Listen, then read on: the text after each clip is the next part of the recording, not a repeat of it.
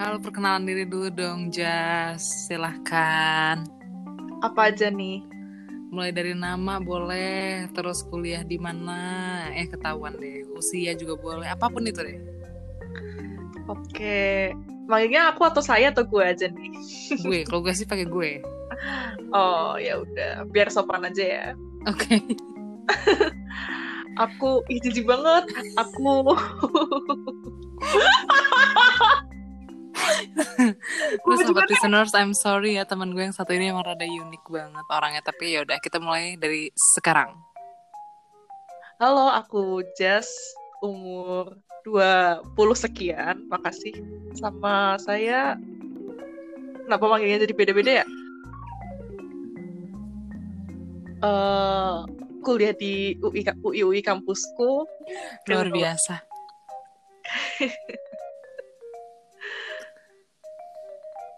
Udah gitu dong pengalamannya. Aduh Iya, kacau apalagi? sekali nih Jasmine Aina Salsabila nih kok tuh disebut nama.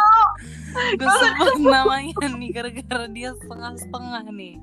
Ya udah deh kalau gitu ya intinya tadi udah perkenalannya sekian. Ya dia adalah temen gue kuliah di UI dan sampai sekarang kita masih menjadi mahasiswa tingkat akhir tapi karena pandemi ini jadi ya mahasiswa tingkat akhirat gitu ya. Jadi gue bener-bener harus stay strong banget. Nah oke dah. Hari ini, Jas, kita akan ngomongin tentang UI. Nanti baru setelah ini sesi keduanya kita akan bikin tentang jurusan kita tercinta yaitu kriminologi. Serius tercinta. Tercinta dong, dosen-dosen ini tercinta juga dong. Nah, Astagfirullahaladzim. kita mulai nih dari awal nih. First impression lu terhadap universitas ini apa? Dan apa kalau bangga atau tidak? Universitas ya. Yeps. Eh, gue sih karena gue datangnya dari tadi saya, terus aku terus gue ya udahlah bodoh. Eh, eh, karena gue awalnya dari bukan dari manusia-manusia Jakarta ya, apalagi pas SMA gue tuh kayak bukan SMA yang sangat-sangat well known. Mhm. Jadi masuk UI itu kayak wah impressive banget buat gue dan gue bakal mengatakannya dengan bangga berkali-kali karena karena gue tuh yang pecah telur dari SMA gue. Luar biasa. Tapi- Applause, applause. tapi begitu masuk UI itu kayak ya udah lama-lama kayak oh ya udah. Emang spesialnya apa sih? Anjing cocok banget gak sih? Aduh, emang luar biasa nih teman gue yang satu ini nih bener-bener luar biasa. Congkak even di bulan puasa kayak gini ya. Luar biasa sister nggak apa-apa nggak apa-apa. Nah terus nih yang berikutnya nih, nah lo udah lihat nih UI, terus menurut lo kayak oh my god luar biasa banget, wow banget dan lo sebagai satu-satunya orang yang pecah telur di angkatan lo, even mungkin dari seluruh history SMA lo ya. oh iya Iya. tentu saja Semoga lo gak dapet haters ya sama sobat listeners gue gitu ya. Tawa gue nih. ya nggak apa-apa sih udah biasa gue dibenci ya Astaga, curhat dia. Jadi iya kita bahkan balik lagi sempat ke laptop nih. Kita iya balik lagi nih sister nih. Jadi Iya. em, yang lo lihat pertama kali itu apa? Mungkin dari misalnya appearance-nya UI atau misalnya dari eh, ketika lo mulai dari daftar ulang segala macem apa sih yang lo Eh, alami? to be honest, impresi gue ke UI itu gue pertama kali li- menginjak tanah UI itu karena pas tahun ber- tahun 2015 ya. Tahun 2015 tuh gue ketemuan sama temen gue kan yang emang satunya mau kuliah di Jepang, yang satunya Mm-mm. mau yang satunya emang orang UI gitu. Terus kita main-main aja di situ. Terus gue mikir kayak wah anjing kampusnya hijau banget nih, gue suka. Mau deh gue masuk UI saat saat nanti gitu. Tapi cuma selewat doang karena Mm-mm. nggak mikir juga kan mau masuk UI atau gimana gimana Betul betul. since gue juga dari jurusan IPA kan pas SMA jadi kayak oh ya udah gitu Mhm. Jadi dari situ lo Sama. baru berpikir karena lo langsung datang ke UI-nya lo lihat nih secara langsung secara fisik Heeh, bagus banget nih di mata lo. apalagi apalagi pas tahun 2015 yang lu inget nggak sih pas zaman maba Ramadan maba kalau nggak salah kita tuh ada ada sempat ada ada kecelakaan itu yang mobil ketimpa pohon gede banget di putaran UI Mhm, mhm. nah itu sebelum itu kan UI jauh lebih lebih rindang abis itu abis ada kecelakaan itu kan pohon-pohon gedenya ditebangin gitu jadi ya dulu lebih hijau daripada yang sekarang gitu. Iya sih, apalagi kan UI juga daerah resapan Oh, yang ada di oh. Depok kan, Oh, dan oh, hutannya juga masih lebat di situ. Ya. oh, oh. Oke, jadi secara penampilan fisik luar dan tampak dalamnya UI nggak nggak buruk-buruk banget lah ya di mata lo karena dia juga masih yang kayak asri dan uh, lingkungan itu sebenarnya nyaman, ya nggak sih? Oh, Kalau oh, gue sih oh. bilang gue suka banget, nyaman banget, apalagi semenjak kita masuk di situ. Jadi kurang lebih Iya. tahun 2017 UI itu uh, sempet ngerenovasi uh, pavement tempat yang pedestrian ways dan tempat orang jalan kaki semuanya diganti. Jadi nyaman banget. Nggak ada tuh yang namanya lo kesandung nggak ada yang namanya banjir lagi. Karena sempat banjir ya waktu itu waktu 2016 ingat nggak tuh sempat banjir Di, di, bagian ya? depan? Di deket halte visip eh visip lagi sorry sorry. Di deket ini halte UI kereta. Wah nggak inget dah gue. Gue nggak Nah, pernah itu naik dulu sih soalnya pas maba. Mungkin karena gorong-gorongnya belum sempat dibersihin ya waktu itu kan Iya, ada pengerukan gede-gedean kan Oh, oh, oh, oh. Nah sejak saat itu UI nggak pernah lagi tergenang menurut gue nih karena kan Iya. gue ngekos jadi gue tiap hari lewat jalan kaki gue ngeliat sendiri kayak gimana kayak gitu. Hmm. Terus nih sobat UI gue nih apa aja sih kebiasaan-kebiasaan anak UI yang menurut lo tuh kayak ngakak banget kalau kita pikir-pikir lagi kita sebagai anak semester akhir nih kita pasti udah tahu dong habit-habit mereka apa aja dan habit-habit kita apa aja menurut lo yang nggak mungkin absen sebagai anak UI itu ngapain aja Gibah nggak sih? itu pastilah yang lebih spesifik dong semua kampus juga pasti anak-anaknya gibah cuy Enggak deng Dibanding kebiasaan sih lebih pengalaman ya kalau yang memorable di gue kayak apalagi kayak sebagai anak krim ya. Lu bukan anak krim Mhm. kalau lu nggak pernah LPK. oke tapi kan kita masih bahas universitas nih. Iya sih. Cuma kalau UI in general gue nggak terlalu engage jadi gue kayak oh ya udah kayak gitu. misalnya kita let's say kita bicara tentang barel. Anak UI mana sih yang nggak tahu barel? Nggak Iya. tahu kutek ya nggak sih? Heeh. nggak tahu kimpul. Mungkin lo semua nih di antara sobat listeners mungkin ada yang mau masuk UI kalian harus banget ngekos di daerah barel. Ah emangnya Atau mau? nggak kedengeran kalau bareng mah emang enak kedengeran kereta tiap menit. Ogah sih gue. Ya, kalau misalnya kalian yang nggak pakai kendaraan, lebih baik di barel karena kalian bisa jalan kaki. Tapi kalau misalnya kalian mau agak jauh dikit dan kalian di provide sama motor, kalian bisa di daerah Kober. Kober itu nyebrang dikit ya, jadi ada per- ada apa sih JPO ya? Nggak CPO, Nggak ada JPO aja. juga sih, penyeberangan biasa dari Margonda Raya, lo bakal melintas ke situ. Terus bakal lewat jembatan aborsi namanya. Itu jembatan yang persis ada di halte stasiun Universitas Indonesia. Dari situ lo naik, nanti turun, tinggal jalan. Udah deh bisa nunggu bikun atau bis kuning. Lo tau nggak kenapa disebut aborsi? Kalau gue tahu, tuh kalau mau sharing silahkan. Mungkin ada yang nggak tahu nih. Jadi aborsi kan dibangun tahun 2016 awal ya sebelum kita masuk nih sis. Mhm. Nah kalau kata temen gue aborsi itu dibangun karena karena tinggi bang eh karena mau ya buat apa sih istilahnya ngeratain tempatnya ya nggak jadi kayak nggak dulu kan banyak penjualnya banyak penjual-penjual di situ dan nggak teratur gitu buat meminimalisir kecelakaan kali ya. Nah Betul. karena jembatannya tinggi banget, landai, jadi disebut aborsi karena even saking tingginya, even orangnya hamil tuh pengen aborsi aja rasanya. Oh, Tapi bener banget loh kalian yang mau otot kakinya kenceng dan paripurna banget kayak atlet lari tiap hari lewatin aborsi deh. Itu bener-bener deh yang namanya lo ngos-ngosan ya. Luar biasa banget karena emang sebenarnya tangganya sih nggak begitu curam tapi nggak balance.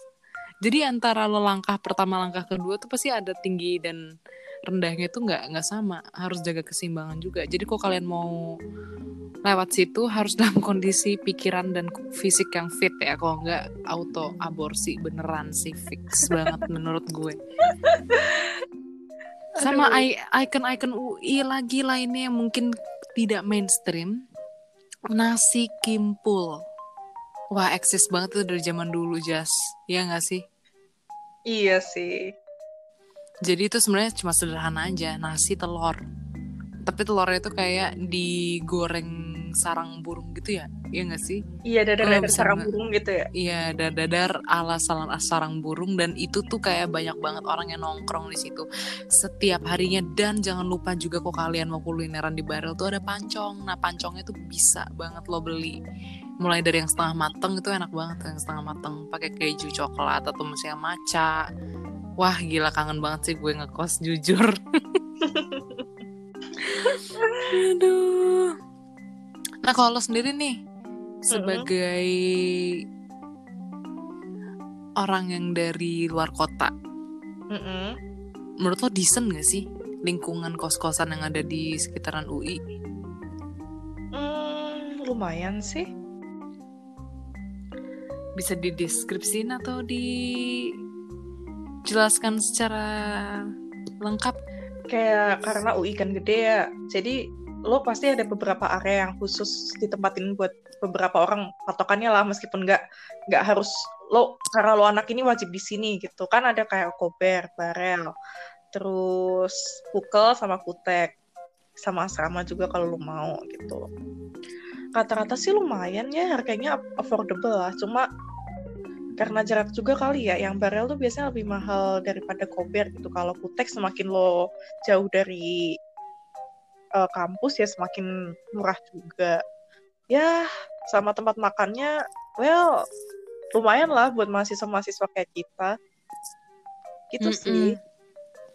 Nah, jadi kalian tuh bisa juga pilih banyak banget kos-kosan ya. Tipenya tuh bukan yang yang ya udah yang campuran pun ada, yang perempuan ada, yang khusus putra juga ada. Dan kalian mau yang mana nih? Yang fancy ada banget, yang biasa aja ada banget, sama yang kalau mau hemat banget tuh ada banget juga. Di Barel tuh ada satu kosan yang khusus kosan cowok kalau misalnya kalian main ke Barel, kalian aware ada yang namanya Warteg Sasari, seberangnya persis. Terus kos-kosan cowok yang super duper hemat banget di kantong. Tapi Setahu gue harganya sama kayak lo di asrama, cuy. Enggak, lebih mahal dikit. Eh 600 ya, 600 ya. Asrama tuh Ya 300. setahu gue 600 deh. Nah, berarti 600 tuh kali dua. Uh-uh. Nah itu masih dapet tuh di Barel. Kosan cewek setahu gue nggak ada yang segitu deh. Gak ada kosan cowok pasti lebih mahal. Hmm. Kenapa ya? Karena perempuan bu harus ada space-nya, harus ada ini itunya. Keamanannya juga pasti beda lah dibandingin sama kosan cowok. Kosan cowok paling yang rawan apa sih? Maling, Iya. motor, Iya. iya kan? Kalau perempuan pasti lebih ribet Hmm. daripada laki-laki. Bawaannya Iya juga pasti lebih banyak daripada laki-laki. Yes. Ini gue nggak menggeneralisir sih, tapi dari yang gue alami karena gue anak kos juga dulunya dan Jasmine juga anak kos juga, kita berdua tahu berapa betapa ribetnya perempuan gitu loh. Gitu. Nah terus kalau misalnya kita ngomongin UI lagi nih, perpustakaannya cuy, gimana nih? Aduh, perpustakaan tuh kapan sih benernya bocor di mana-mana? Tuh, ini ini fakta ya. Jadi kita nggak ngomong karena emang kita mau mengkampanyekan sesuatu, tapi emang kayak gue pribadi kur- kurang merasa serk dengan perpustakaannya. Karena emang tampak luar itu wow, magnificent banget yang kayak amazing, kayak bagus banget bersih dan apa ya aku misalnya gue lihat buat foto pun juga keren gitu kayak kampus-kampus luar negeri. Tapi kok begitu lo masuk ke ruang koleksi buku yang justru itu lebih penting nggak ada ngerawat coy. Itu bener-bener kayak langit-langit tuh berjatuhan kayak skyfall tau gak sih? Lu jangan menghina Skyfall. skyfall. Sampai yang namanya buku itu kadang kena tetesan air. Kalau misalnya ada bocoran dari pipa atau dari hujan. Dan itu gue nggak ngerti banget. Itu buku koleksi yang harusnya dijaga banget gitu loh maksud gue. Ini malah kena gitu loh. Kena sama kebocoran di mana-mana dan itu nggak diperbaiki bertahun-tahun men. Sampai kita mau lulus juga tetap kayak gitu kondisinya. Iya nggak jas? Iya, nggak salah lagi. hmm itu dia tuh.